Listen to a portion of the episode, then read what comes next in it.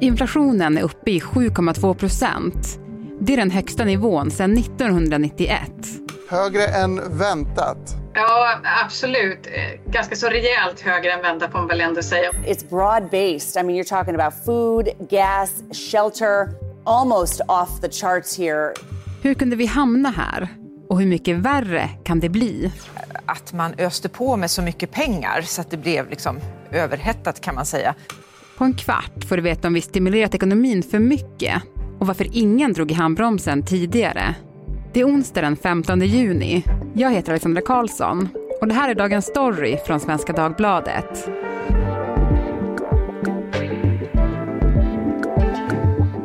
Birgitta Forsberg, reporter på SvD Näringsliv. Vi har ju hört olika experter kalla den här kraftiga inflationen för överraskande. Men, men är den verkligen det? Är du överraskad till exempel? Ja, jag är överraskad att den är så hög. Men egentligen inte att den har tagit fart. Det är ju det som centralbanken har velat så länge. Mm. Men Stefan Ingves då, riksbankschefen, är han också överraskad?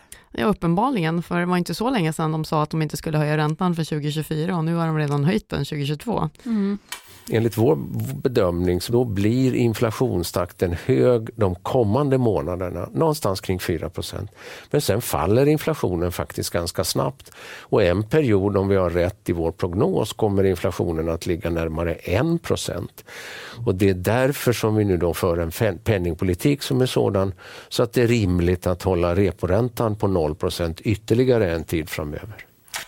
Inflationen har ju verkligen gått upp i rekordfart. Hur har utvecklingen sett ut? Vi följer ju ofta USA, så om man tittar på USA började den stiga där i fjol vår och i USA nådde inflationen den högsta på 13 år i augusti, september och oktober i fjol. Och Sverige har inflationen stigit sedan i maj 2020. Men det var ju faktiskt inte förrän augusti i fjol som den gick över Riksbankens mål utan att falla tillbaka. Sen har det ju nästan stigit hela tiden sedan dess. Mm. Vad är det då som har drivit på den? Ja, det beror ju, man kan ju säga att det beror kanske på tre saker. Dels de här nedstängningarna under pandemin. Eh, många länder stängde ju ner betydligt mer än Sverige. Och sen när man då släpper på och så ska alla börja resa igen, se bara kaoset på Arlanda och andra flygplatser runt om i världen. Och när det blir stor efterfrågan, trånga sektorer, då höjer ju företagen priset och så höjer ju gärna andra, följer också gärna med och höjer priset om man kan så att säga.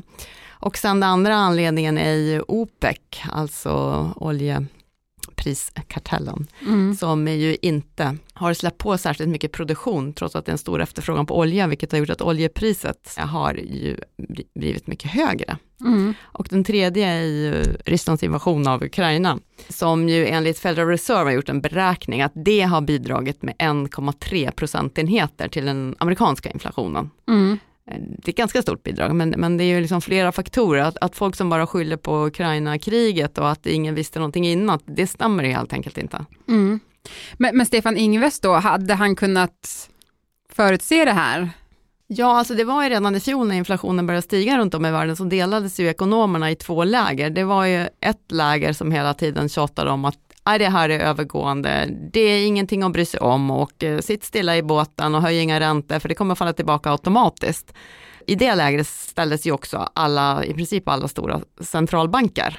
Och så fanns det ju det andra lägret som varnade för att nej, nej, ni måste ju börja agera nu, ni måste ju sluta stödköpa statsobligationer och företagsobligationer, i alla fall fasa ut de här stödköpen och eh, kanske till och med börja höja räntan, för annars riskerar inflationen att eh, sticka iväg och kanske till och med bita sig fast och bli väldigt svår att, att rå på. Men det där örat lyssnade ju inte centralbankerna på förrän plötsligt Jerome Powell, som ju alla följer eftersom han är chef för Federal Reserve i USA, tills han plötsligt bytte fot.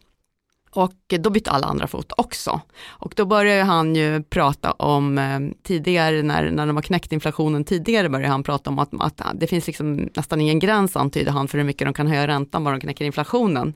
Problemet med det är att du höjer, om du höjer styrräntan väldigt mycket så knäcker du ekonomin samtidigt. Så får du recession och arbetslöshet och sånt som man inte heller vill ha. Mm. Så det är en balansgång? Ja, den är jättesvår. Get up to 30% off wedding jewelry at BlueNile.com and remember the joy of your wedding day forever. Blue Nile offers everything from diamond and lab grown diamond wedding bands to classic pearls, earrings you can design yourself, even gorgeous sapphire pieces for your something blue. Whatever you choose, Blue Nile's pieces are all graded for excellence for a lasting memento as brilliant as the love that inspired it. Right now, get up to 30% off at BlueNile.com. BlueNile.com. Den eh, svenska bankkrisen blir allt djupare. Så gott som varje dag kommer rapporter om nya kreditförluster. Och ännu har vi inte sett slutet. Marknadsräntorna steg, börsen sjönk och vad alla väntade på var att ekonomin skulle vända uppåt igen. Men varje politiker som lovar att det ska komma snabbt, eh, den ljuger. Det här är en svår nedgång och det kommer att ta sin tid. Senast inflationen var så hög som den är nu, det var tidigt eh, 90-tal och då var det ju en ekonomisk kris. Är det det vi ska förvänta oss nu också? Nej, alltså i februari 1991 var inflationen 13,1 procent.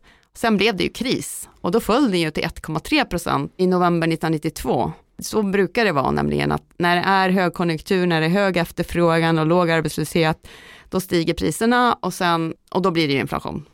Och sen eh, när det blir eh, dåliga tider så att säga, arbetslösheten ökar eh, och då minskar ju efterfrågan på saker, folk har inte råd att köpa lika mycket, då faller ju inflationen automatiskt tillbaka.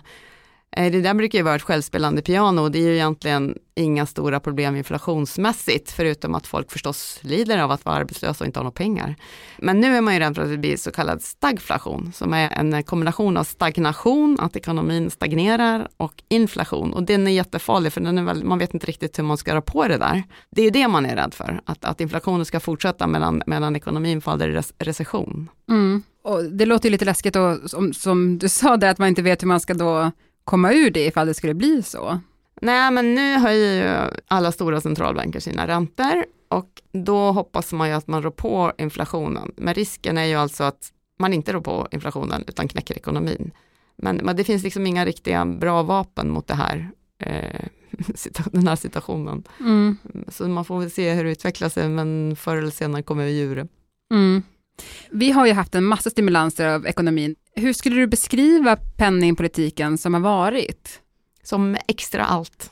Mm. Det finns liksom nästan inga gränser på hur mycket de har stimulerat ekonomin och i USA har de skickat ut helikopterpengar till folk och, och, och det, det, är ju otroligt hur mycket och svenska riksbanken har köpt inte bara statsobligationer för att stötta ekonomin utan även företagsobligationer och därmed har man gjort allting säkert, så man flyttar risken långt ut. Om det är riskfritt att köpa statsobligationer för att Riksbanken stödköper och riskfritt att köpa vissa företagsobligationer för att Riksbanken eh, stödköper dem.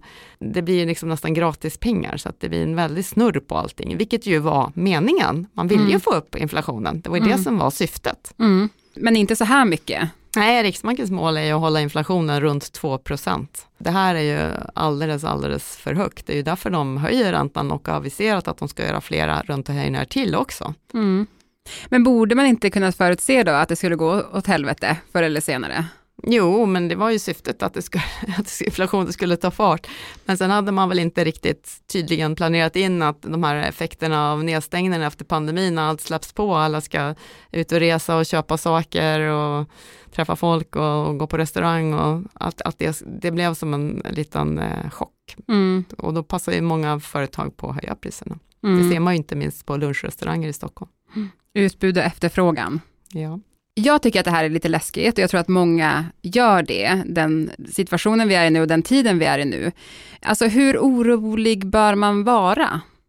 Ja, alltså jag tycker så länge man har ett jobb så behöver man ju inte vara orolig om man har råd att betala sina räntor och bankerna påstår sig att de har ju lånat ut nu så att man ska klara 6% ränta. Det har de gjort i sina kalkyler och där dit upp förväntas ju inte räntan komma. Det får vi ju se, men, men så länge man eh, har ett jobb och kan betala sina bolån behöver man inte vara särskilt orolig tycker jag. Alltså det är ju värre, det är de som blir arbetslösa och tappar inkomst och sen ska fortsätta betala sina bolån, där är det ett problem. Mm. Men du, när det gäller liksom eh, krisen på 90-talet då, liksom, och det som föranledde det och inflationen, hur skiljer det sig från situationen idag? Ja men det, det går faktiskt inte att jämföra utan det var ju så att i slutet på 1980-talet, det glada 80-talet om ni kommer ihåg, då avreglerade politikerna marknaderna, bland annat eh, underlättade de att man kunde låna ut pengar, vilket ju då genast eh, en massa finansbolag eh, lånade ut pengar till fastighetsbolag och bankerna lånade ut till finansbolagen och sen när de här fastighetsbolagen kraschade då drog de med sig finansbolagen och bankerna och politikerna fick ägna sig åt bankräddning. Men så ser det ju inte ut idag, att det, att det är sådana faktorer som avgör. Det är inte samma sak som det var då? Nej men orsakerna är inte samma sak. Sen eh, kan det ju mycket väl bli en stor kris. Det, vi har ju haft finanskrisen också, 2007, 2008, 2009. Men det, det är inte samma orsaker bakom är det inte. Nej. Vilka konsekvenser kan det här få nu då? Ja, men man, vi ser ju nu alltså att priserna stiger, det är det som är inflation då, då, Och det gör det ju dyrare att handla mat, livsmedelspriserna har stigit och det är dyrare att tanka bilen, drivmedelspriserna har stigit och det är dyrare att betala elräkningen, elpriset har ju stigit väldigt mycket. När då centralbanker runt om i världen höjer styrräntorna, då blir det ju dyrare för de som har rörliga bolån, vilket ju många i Sverige har. Då leder ju det till att de inte kan konsumera lika mycket av annat. Man brukar ju alltid prioritera att betala sina bolån. Och då kan man ju få se en nedgång i ekonomin egentligen om man inte har råd att åka till Thailand eller gå på restaurang eller, eller bio eller vad man nu drar ner på för någonting. För att man kanske inte har råd att leva upp lika mycket pengar som tidigare om man har högre ränteutgifter. Mm. Och då kan man ju få se en negativ effekt på ekonomin. Men nu har ju inte boräntorna stigit så jättemycket än. Men mm. Men det är det som kan ske på längre sikt, eller vad, vad, ja, vad kan bli resultatet? Ja, på liksom? längre sikt, pratar ju, nu pratar ju plötsligt många om boläntor på 3-4 procent, vilket om man är lite äldre inte tycker det är så jättehögt, men det är ju väldigt mycket högre än 1 procent. Mm. Då betyder det att man har ett mindre konsumtionsutrymme om man har väldigt höga lån. Och många i Sverige har ju väldigt höga lån, men det finns ju också många som har väldigt stora besparingar, så det slår ju väldigt olika beroende på hur vars och ens ekonomiska situation ser ut. Mm. Men hur mycket värre kan det bli då? Ja, om boräntor ska upp till 3-4 procent och nu ligger de ju beroende på hur man förhandlar kanske på 1,5-2 så är det väldigt mycket skillnad. Mm. Och det kommer påverka hela ekonomin då? Ja, det beror på hur många som då drar ner sin konsumtion. Om, om man drar ner konsumtionen så drar man ju ner ekonomin. Och då, då det, kan det bli högre arbetslöshet och så vidare. Men det är frågan hur folk agerar, det får vi väl se hur det utvecklar sig. Men visst, på längre sikt, så Riksbanken vill ju, alla centralbanker vill ju höja räntan, vill ju få ordning på inflationen. Och då kan de ju samtidigt råka knäcka ekonomin och så att det blir en stor kris. Eller också så lyckas de mjuklanda, vilket är jättesvårt. Mm. Det har man sällan lyckats med förut. Mm. Så det går inte att stoppa inflationen, eller hur ska man tolka det? Jo, absolut, det går det säkert. Om du höjer, om du höjer chockhöjer, alla centralbanker chockhöjer eh, räntorna så stoppar du inflationen, men samtidigt knäcker du ekonomin och det är därför de inte chockhöjer. Det är därför de höjer lite pö om pö. Mm. Så pengarna räcker till, till mindre nu. Eh, hur kommer det påverka lönerna? Ja, det är det som är den stora frågan, för att den stora inflationsdrivaren i Sverige är ju löner och vi har ju en avtalsrörelse nästa år. Så i år är det väl rätt så lugnt eftersom de lönerna är ju redan så att säga förhandlade, alltså ökningen är redan förhandlad, sen var och en kan ju få lite skillnad. Men det brukar ju vara så att om reallönerna sjunker nu, det som man verkligen har i plånboken, vilket de ju gör, då får vi ju ännu mer inflation om eh, inte facken tar det lugnt i lönerörelsen. Mm. Och det har väl flera fack gått ut och sagt att de vill ha en reallöneökning, så vitt jag kommer ihåg. Mm. Så vad tror du kommer hända framåt? Ja, det blir en väldigt hård avtalsrörelse om inte det här lugnar ner sig. Till sist Birgitta, vad kommer du hålla ögonen på framåt? Nej, men jag, kommer, jag tycker arbetslösheten är ett ganska bra mått faktiskt och den har vi sett att om man är säsongsrensat så faller arbetslösheten, vilket är ju väldigt intressant och det tyder ju verkligen inte på att det skulle vara en recession just nu, vilket ju vissa andra syfter, siffror tyder lite på. Så att jag kommer hålla ordning väldigt på arbetslösheten och såklart inflationen och eh, bostadspriserna. Mm. Det kommer att indikera åt vilket håll vi går. Tack Birgitta för att du var med i Dagens Story. Tack för att jag fick vara med. Hej, jag Ryan Reynolds. På Mint Mobile, we like to do the opposite of what Big Wireless does. They charge you a lot, we charge you a little. So naturally, when they announced they'd be raising their prices due to inflation, we decided to deflate our prices due to not hating you. That's right. We're cutting the price of Mint Unlimited from $30 a month to just $15 a month. Give it a try at mintmobile.com slash switch. $45 upfront for three months plus taxes and fees. Promo rate for new customers for limited time. Unlimited more than 40 gigabytes per month. Slows. Full terms at mintmobile.com.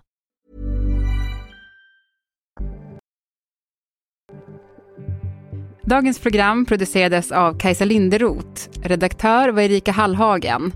Och jag heter Alexandra Karlsson. Vill du kontakta oss så mejla till dagensstory.svd.se. Klippen i programmet kom från Dagens Industri, Sveriges Riksbank, SVT, TV4 och Aftonbladet.